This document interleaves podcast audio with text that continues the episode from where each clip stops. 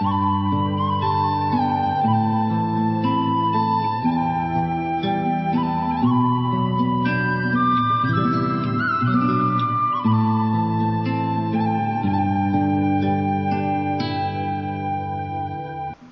יש חוק אחד, היא נדבקת לכסף.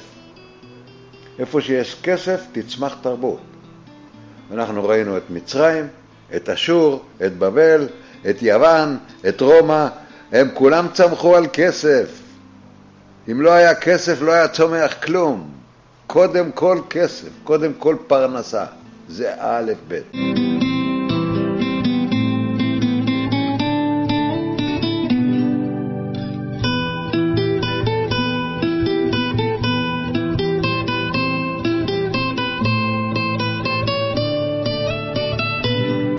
פגישה אישית עם עופר שמיר.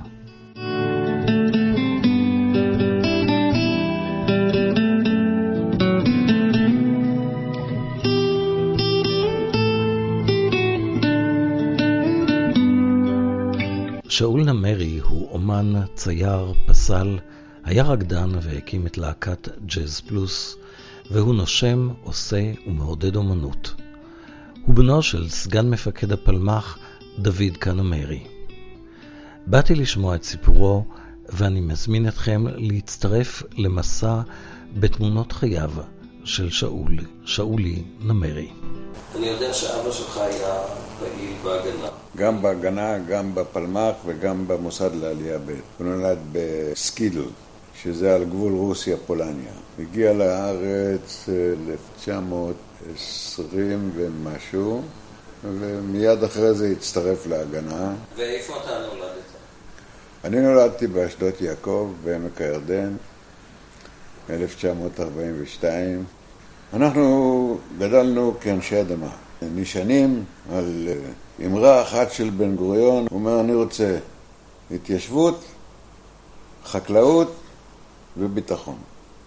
שלושת הדברים האלה, זה מה שהיה תפקידם של הקיבוצים כשהקימו אותם.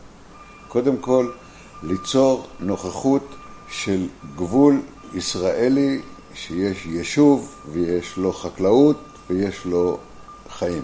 עכשיו, מצד שני, החשיבות בנושא של החקלאות, מצידו של בן גוריון, הוא אומר, הקיבוצים והמושבים הם אלה שצריכים לספק את המזון לאוכלוסייה שנמצאת בעיר. אז גם הקמנו את הנושא של תנובה.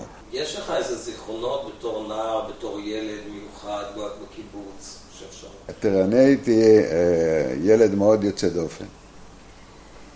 ילד מאוד עצמאי, אני אה, הרבה לא הלכתי לבית ספר, זה לא כל כך עניין אותי, עניין אותי דברים אחרים. מה עניין אותך? הכל.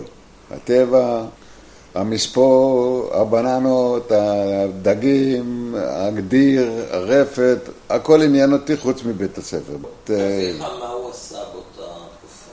כמה הוא ילד ב-1947 בן גוריון החליט לשלוח את דוידקה לארצות הברית. מה עשיתם בארצות הברית? אבא היה ראש משלחת הקניות של משרד הביטחון והמוסד לעלייה ב'. עשו כמה דברים שהיו לא כל כך לפי החוק האמריקאי ולא כל כך לפי החוק הבריטי, אבל ככה הקימו מדינה.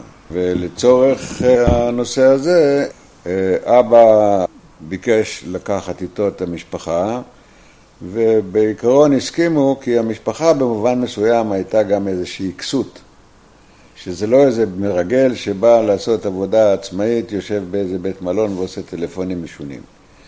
בית עם משפחה, אישה שהולכת ללמוד, ילדים שהולכים לבית ספר, והוא מעסק עם העניינים שלו. הוא הולך ברחובות ניו יורק עם מזוודות מלאות בדולרים כדי לקנות אוניות. דוד קהת דיבר רק אמת. גם לבריטים הוא אמר את האמת, וגם למאפיה הניו יורקית הוא אמר את האמת. הוא ישב בפני ה-FBI וגם שם הוא אמר את האמת. הוא לא בא להזיק לאף אחד. יש לו תפקיד, הוא עושה את התפקיד שלו, הוא רוצה להעלות עולים למדינת ישראל. ארצות הברית כבר החליטה שמותר לנו לעשות את זה. לא חשוב שבאוניות האלה, כן, גם הם ישתמשו לצורך חיל הים. האונייה הראשונה בחיל הים שמה נוגה, ק-26. זה דוד קרחש בניו יורק. לא היה לחיל הים אוניות, לא היה לנו צי, לא היה לנו אה, ימאים, לא היה לנו את כל זה דוד הקים מ-1943 עד 1947, כולל אקסודוס. כל הנושא הזה זה דוידקה. להיכנס לפרטים על הפעילויות של דוידקה, אני הייתי אומר שצריך להתמקד במשהו בסדר גודל של בין 250 ל-300 מבצעים, מבצעים ברמה צבאית, שהוא ניהל וביצע, כולל יישובי חומה ומגדל, כולל כל הנושא הזה של הבאת עולים, כולל האוניות, כולל לילות ההורדה, כולל יישובי חומה ומגדל, זה הכל דוידקה. הוא היה אדם מאוד צנוע, והצניעות שלו הייתה אופיינית להתנהגות שלו במסגרת המוסדות השונים, מכיוון שהוא תמיד עבד בחשאי, הוא תמיד עבד נגד חוקים על מנת להקים מדינת ישראל. כשחזרנו לארץ, 1949, 1950-51 התחילה בעיה עם המשק והיה הפילוג. אחרי הפילוג רצו לקחת אותו למשרה ממשלתית. ופנה אליו יגאל, ופנה אליו ישראל גלילי, ופנה אליו משה כרמל, ויצחק בן אהרון. רצו להחזיר אותו חזרה לפעילות ממלכתית ברמת העשייה. והוא אמר, קודם כל אני אבנה את אשדוד יעקב מאוחד, יותר יפה מהקודם, גם את הקודם הוא בנה. יש תמונות שהוא עובד שם, זה לא סיפורים. ו-1959 פחות או יותר הסתיימה הבנייה של היישוב עם כל התושבים שכולם בתוך דירות, בתוך בתים, כשהחקלאות מסודרת והכל פועל והרפת ישנה והמפעלים עובדים, הכל בסדר. אז באו אליו עוד פעם, אמרו נו, וזה בסדר, הוא הסכים לקחת את משרד התחבורה. הוא היה מנכ"ל משרד התחבורה. אז uh, הייתי אומר שהוא היה uh, איש בנייה. אני אומר, אני בן של נגר, הוא גם היה נגר מצוין. היו לו עוד הרבה מאוד דברים שהמערכת ביקשה ממנו, אז הוא למעשה עבד בשביל כולם, לא רק בשביל אשדות יעקב. היה לו גם זיכרון פנומנלי. אתה היית מדבר איתו, הוא זוכר כל מילה שאמרת, הוא מצטט אותך. תחום העיסוק שלך למעשה כל החיים, מה הוא היה?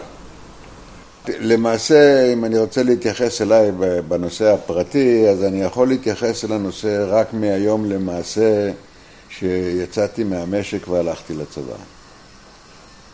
שפה למעשה מתחיל פרק שלם שחובת ההוכחה כבר מונחת עליי. זה כבר לא המשק, זה כבר לא הכיתה, זה כבר לא החברים, זה לא אני הכי טוב בלרוץ או אני הכי טוב בלקפוץ. הוא אומר, פה אתה... נפגש עם אוכלוסייה שלא הכרת קודם. עשיתי את המסע הצבאי שלי לקצונה, וכנראה שאהבו אותי וביקשו ממני לחתום קבע. אז פעם אחת חתמתי, השתתפתי בכמה מלחמות, השתתפתי בכמה פעולות, השתתפתי בפעולת נוקב, בסנונית, השתתפתי ב... חדירות לסמואה, ואני הכנתי את השביל כניסה לפעולת סמואה. אה, נתקלתי כמעט בכל קו שישבתי בו, כולל בקו העירוני בירושלים. על התקרית הזאת הייתי אמור לקבל ציון לשבח, אבל אה, ועדת שביתת הנשק החליטו שלמי שיורה בירושלים אסור לתת אה, ציון לשבח, כי מחר כולם יראו בירושלים. אני חיסלתי את הקו העירוני שהיה ממולי, בגלל שהרגו לי סמל מחלקת מקל"פ שישב על הנוטרדם. צלף, כדור אחד דפק אותו, ועד שהורדנו אותו מהקומה העליונה של הנוטרדם ועד שהביאו אותו לבית חולים, הוא נפח את נשמתו. אז אני החלטתי שאני משיב להם מנה אחת אפיים. אני ישבתי בעמדת מג"ב. ואני הכנתי בעמדה הזאת, טרם עת, מתקנים של בזוקות מאולתרות. שמתי שלוש סוללות של טילים של בזוקה, ובזה למעשה פתחתי במזמור וחיסלתי את העמדה שהייתה ממולי, הירדנית. היו בסך הכל במרחק של עשרה מטר, 12 מטר מאיתנו. הדלקתי את החניון אוטובוסים של חברת האגד הירדנית, שרפנו 300 אוטובוסים, הם התפוצצו אחד אחרי השני. בקיצור, עשיתי חגיגה בירושלים. זה 1963 אוקטובר, וכל העולם ולהקתו חקר אותי, כולל רבין, ובסופו של דבר אה, זה כנראה עלה אה, למטה. מוטה הרים את היד ואמר, אני נתתי הוראה מקדימה. וזה מספיק. פותחים אליך באש, אתה יורה. פתחו עליי באש, יריתי. מ-1963 באוקטובר ועד יוני 1967, כמעט ארבע שנים, לא נורתה ירייה אחת בירושלים. ולפני זה כל שבוע היה זורקים אבנים ויורים והייתה, איך אומרים, מוסררה? זה היה קללה. כל הזמן היו שם תקריות. את הצל"ש לא קיבלתי, אבל גם לא הורידו לי את הדרגות. וכשנגמר הסיפור, אבא היה אז במשרד התחבורה. שלא לדבר על זה שכל האנשים האלה שאני מתעסק איתם היו ת"פ שלו. הוא היה מפקד שלהם. אני הייתי אחרי בחינות לבצלאל. קיבלו אותי כבר לבצלאל. יום אחד באתי הביתה, אמא מביאה לי מכתב, אומרת, קבלת. אני תמיד ציירתי. אני גם במשק ציירתי. כל החגים, כל הדברים, העיתונים, בנתיב, העיתון השבועי של החטיבה, אני תמיד ציירתי. הייתי נמצא מגיל ארבע. ואימא שלי היא כנראה זאת שגילתה את התכונה הזאת, והיא תמיד תמכה בזה שהנושא הזה יתפתח. וכשקיבלו אותי לבצלאל, אז הייתה שמחה בבית. הנה, הילד יש לו עוד יכולת, חוץ מלהיות קצין מצליח בגולני. אולי הוא ילך ללמוד. והלכתי ללמוד. התחלתי עם זה, עם הנושא הזה גיליתי גם את הנושא של הריקודים, והתחלתי לרקוד, ובשלב מסוים התקבלתי גם ללהקת הסטודנטים, להקת הסטודנטים של האוניברסיטה העברית בירושלים. הייתה להקת המחול הטובה ביותר בארץ בזמנו, יונתן כרמון וזה. אנחנו, התקבלתי ללהקה ונהייתי רקדן בלהקה. כשבאתי הביתה וסיפרתי לאימא שקיבלו אותי ללהקת הסטודנטים, הלכה לאבא ואמרו, את רואה? הנה, הוא עכשיו כבר גם רוקד. הוא אומר, שירקוד, שישיר, שיכתוב שירים, שיצייר, שיעשה מה שהוא רוצה, שלא יחזור לצבא. תראה, בינינו ובין עצמנו, במשך הצבא, במשך השירות קבע שלי, הצלחתי לחסוך כמה אלפים של לירות, לא הרבה, והסתדרנו עם התשלום על הלימודים וזה, זה, והיינו צריכים גם לחיות, וגם שכר דירה, וגם ציוד, וגם זה. התגלגלנו. והתחלתי לרקוד.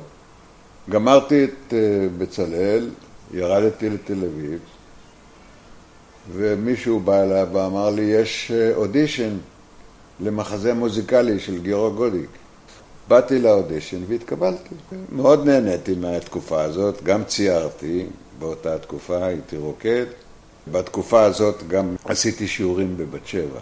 אחר כך אה, הדרכתי את להקת הסטודנטים, הדרכתי את הלהקה שנה, ובשנה הזאת גם הקמתי את להקת הסטודנטים הצעירה. זאת אומרת, היו שתי להקות, וביום העצמאות אחד אני הצלחתי עם להקה אחת שהופיעה בקריית גת, והבוגרים הופיעו במקום אחר. זאת אומרת, שתי להקות, שתי תלבושות, הייתי צריך לחלק, אה, לא היה מספיק תלבושות, כי יש תלבושות יש ל-12, ל-14, פתאום אני צריך תלבושות ל-24, אין. בקיצור, אלתרנו וזה, גמרתי עם הסיפור הזה, חזרתי לתל אביב, הקמתי את להקת ג'ס אה, פלוס עם אה, שמעון בראון. ג'ס פלוס זה כבר 1968-9. הקמנו את להקת אה, פלוס, עבדנו עם זה, עשינו 127 הופעות בשנה אחת. בזמן שבת שבע היו מופיעים שש הופעות לשנה, זאת אומרת, אנחנו כבר היינו גם רווחיים מבחינה כלכלית. הלהקה פעלה, מסביב ללהקה פעלו שלושה גופים שסחטו ממנה את כל הכסף. אחד זה היה המשרד של אורי, שהוא היה המרגן, אחד זה היו הטכנאים שעשו לנו את הסאונד ועשו לנו את הפירוטכניקה ואת כל מה שצריך לעשות ומירון שעשה אז את כל האלקטרוניקה של הבמות והכל. מי שאתה רוצה עבד איתנו. ראיתי שהעסק הזה לא משאיר לנו כסף. הלכתי לעורך דין, פירקתי את החברה, פירקתי את הלהקה, ציירתי, גם עשיתי את התערוכה הראשונה שלי בארץ, בגלריה מבט, שזה ליד רחוב גורדון, זה היה אזור הגלריות אז, זו הייתה החשיפה הראשונה שלי.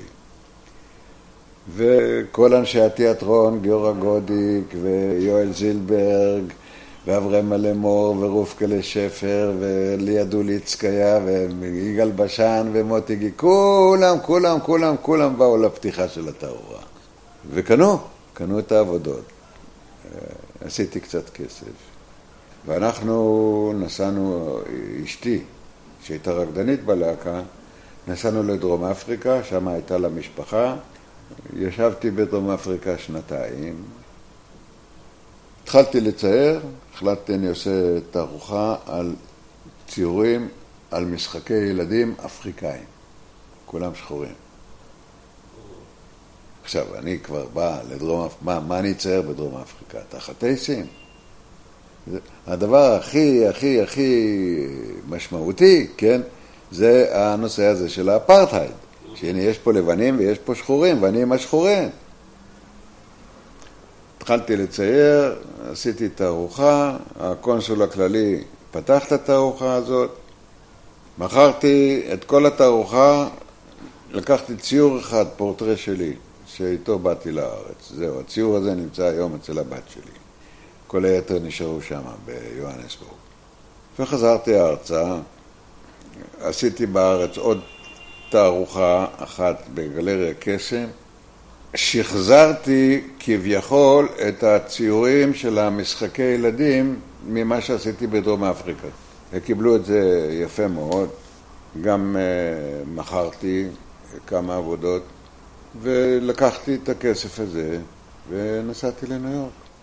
תראה, במובן מסוים uh, אני צמחתי בארצות הברית מבחינה תרבותית. ומה שאני ספגתי זה למעשה הבית ספר הכי טוב שאני עברתי בחיים. לא הלכתי לנושא של האבסטרקט, אני הייתי תמיד פיגורטיבי, תמיד רשמתי, ורשמתי לא רע. נחשבתי לבין הרשמים הטובים אז, והתחלתי לחשוב אה, בכיוון אחר. חבר טוב שלי, מיכאל גיטלין, שהיה איתי בבצלאל, יום אחד אומר לי, בוא, אני אקח אותך לגלריה בסוהו, ואני רוצה שאתה תראה תערוכה מסוימת. היינו נפגשים כמעט כל יום, הולכים יום אחד.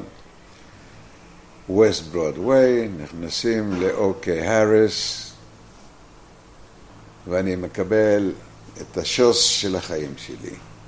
אני רואה פעם ראשונה בחיים שלי פוטו-ריאליזם. צ'אק לוז, מל רמוס, זה כמו, זה כמו צילום.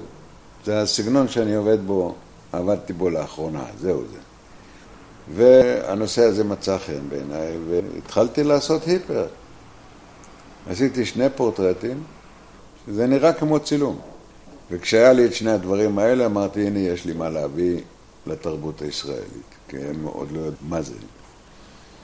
עכשיו, חזרת, חזרתי לארץ, עשיתי קצת עבודה בארץ וחזרתי לניו יורק. בינתיים בא לנו 73, מלחמת אה, יום כיפור. אני טס מניו יורק לארץ ביום השני למלחמה. הגעתי לארץ, מה, מי, מו, איך ולמה, אני מסתובב בשדה, אלה הולכים מפה, אלה הולכים מפה, יש אחד מחלק פתקאות ורודות, אני מה זה הפתקאות האלה? הוא אומר, זה פתקה עלייה לאוטובוס. הוא אומר, ואתה יודע לאן האוטובוס נוסע? הוא אומר, לא. הוא אומר, אתה רק עולה לאוטובוס, כי האוטובוס כבר יודע לאיזה כוח לצרף אתכם. זה, אף אחד לא... ברדק, אתה לא ראית דבר כזה בחיים שלך. אין סדר, אין כלום. עליתי לאוטובוס, לקחתי מכולם את כל הפתקים, הושבתי אותם על הכיסאות, ירדתי מהאוטובוס עם הפתקים, חזרתי חזרה, נכנסתי לאיפה שיש הטייסת הקלה.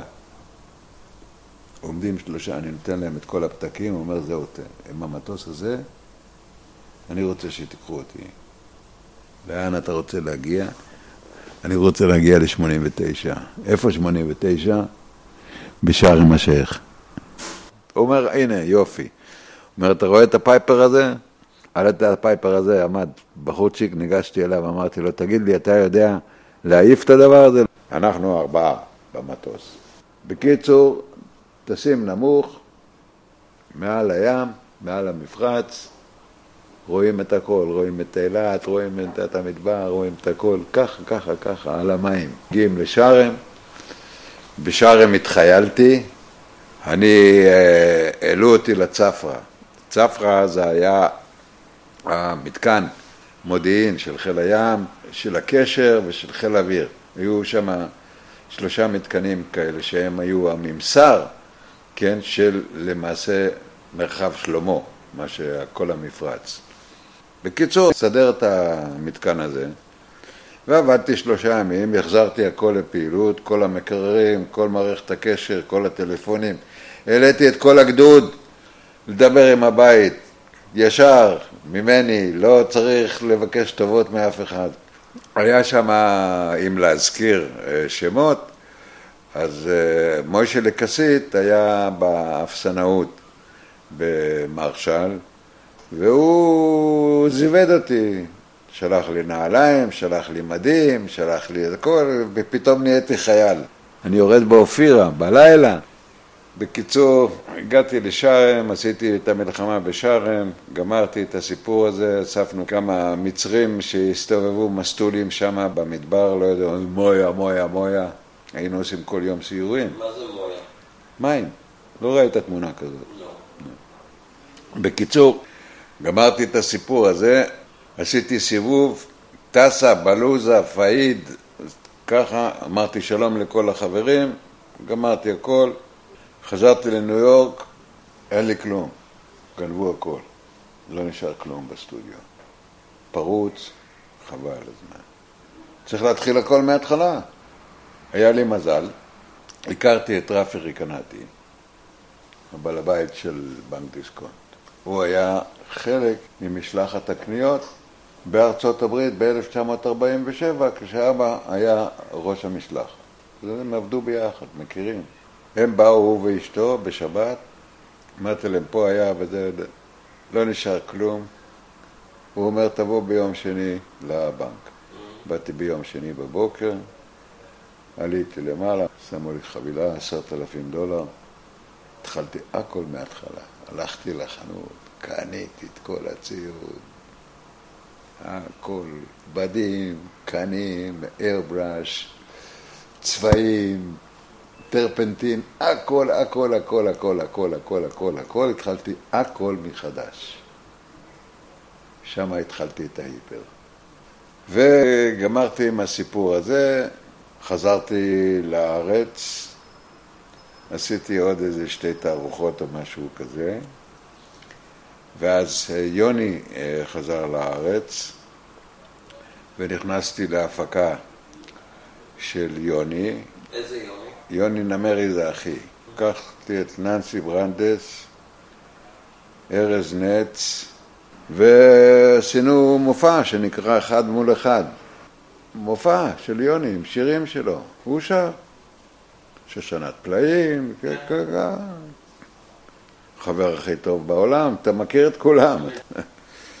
עשינו הופעה, מילאנו את אשדות יעקב, כל עמק הירדן, את בית דוידקה, שזה הבית על שם אבא שלנו, ובאמצע החזרות, אנחנו היינו שם שבועיים, קיבלתי טלפון מאורית, אשתי, היא נשארה בתל אביב. והיא אומרת לי שהיא לא יודעת אם זה בחלום או במציאות, אבל היא קיבלה טלפון, נדמה לה, מסין, שביקשו אותי. אמרתי, הם יצלצלו עוד פעם, תגידי להם שאני פה, באשדות יעקב, ושיצלצלו לפה. בערב קיבלתי טלפון, ג'ון לנון נרצח, תעשה פוסטר לג'ון לנון. לקחתי את הרגליים, חזרתי חזרה לתל אביב, אמרתי לבחור, תבוא, אריק דיכנר, תבוא עם צילומים של ג'ון לנון לארץ, אני אעשה לך פוסטר. הוא בא, הביא, עשיתי פוסטר ארבע ימים, Give Peace a Chance. ג'ון לנון יושב בתוך אוקיינוס של דם. כשדם נוזל לו פה, Peace Poster of the Year, 1981. ועשיתי את הפוסטר, הדפיסו אותו בניו יורק, Reflected Art, ואמרו לי, יש בעיה, לא אוהבים את הכדורים של הדם, זה יותר מדי אגרסיבי בשביל האמריקאים. אמרתי, אין שום בעיה, הלכתי, קניתי כרטיס, למחרת היום טסתי לניו יורק. היום אני מתקן את זה על האינטרנט בחמש דקות. עליתי חזרה על הפלטות, מנקה את הנגטיבים, הורדתי את הכדורים, השארתי רק את הדם. והפוסטר הזה, ככה הוא הופץ, הופיע ב Village Voice, הופיע בזה, זה... עשה לי עוד, עוד סיבוב כזה, דחלה נחמד על הכתף. איך ישראלי בא לניו יורק, וישראלי עושה פוסטר זיכרון לג'ון לנון בארצות הברית, הוא אומר, זה חביבי, זה כל העולם. זה אנגליה, אמריקה, ישראל, זה, זה הכל ביחד. אה, גם קיבלו את זה יפה מאוד. פה כבר החלטתי, כן, שאני למעשה רציתי לעשות אוסף על ניו יורק, ואני כבר פה, אז uh, הודעתי לאורית, כשהייתה בארץ, שתבוא לפה, כי אני חושב שזה הזמן להתחיל לעשות את האוסף של ניו יורק. שזה היו 14 עבודות שאני עבדתי עליהן שש שנים. היא באה.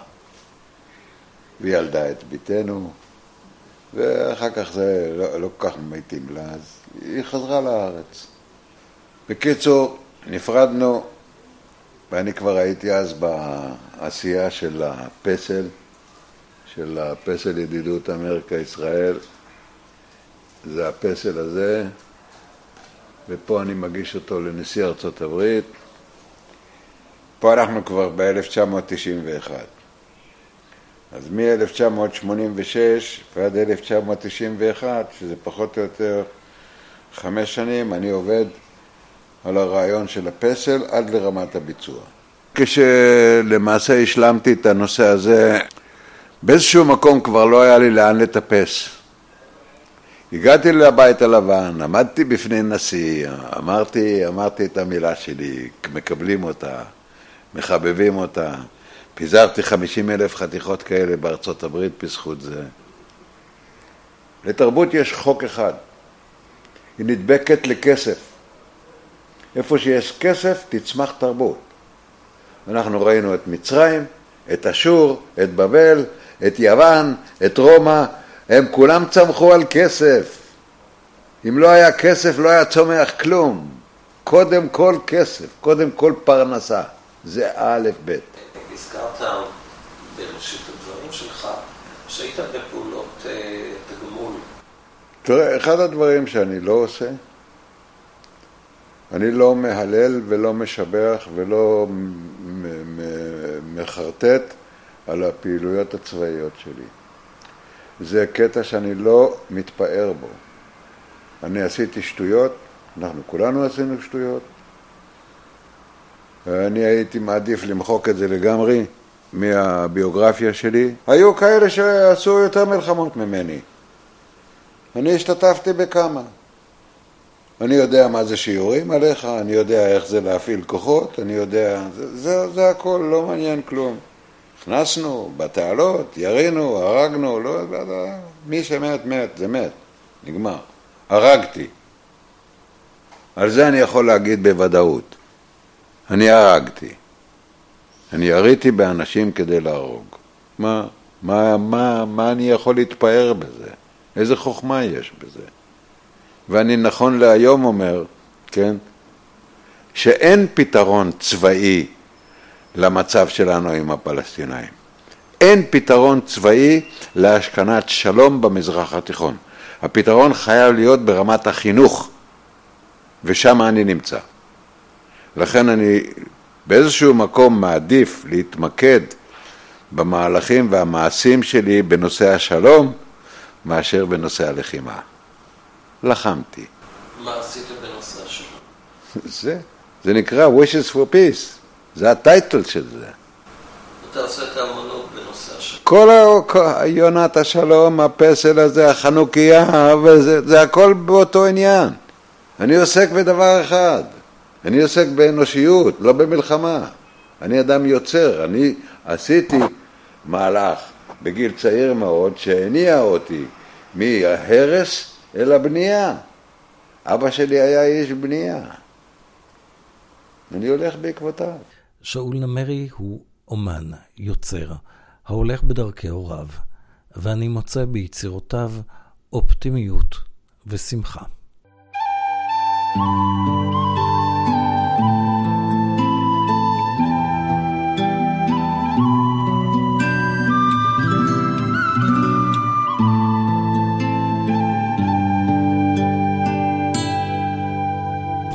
פגישה אישית עם עופר שמיר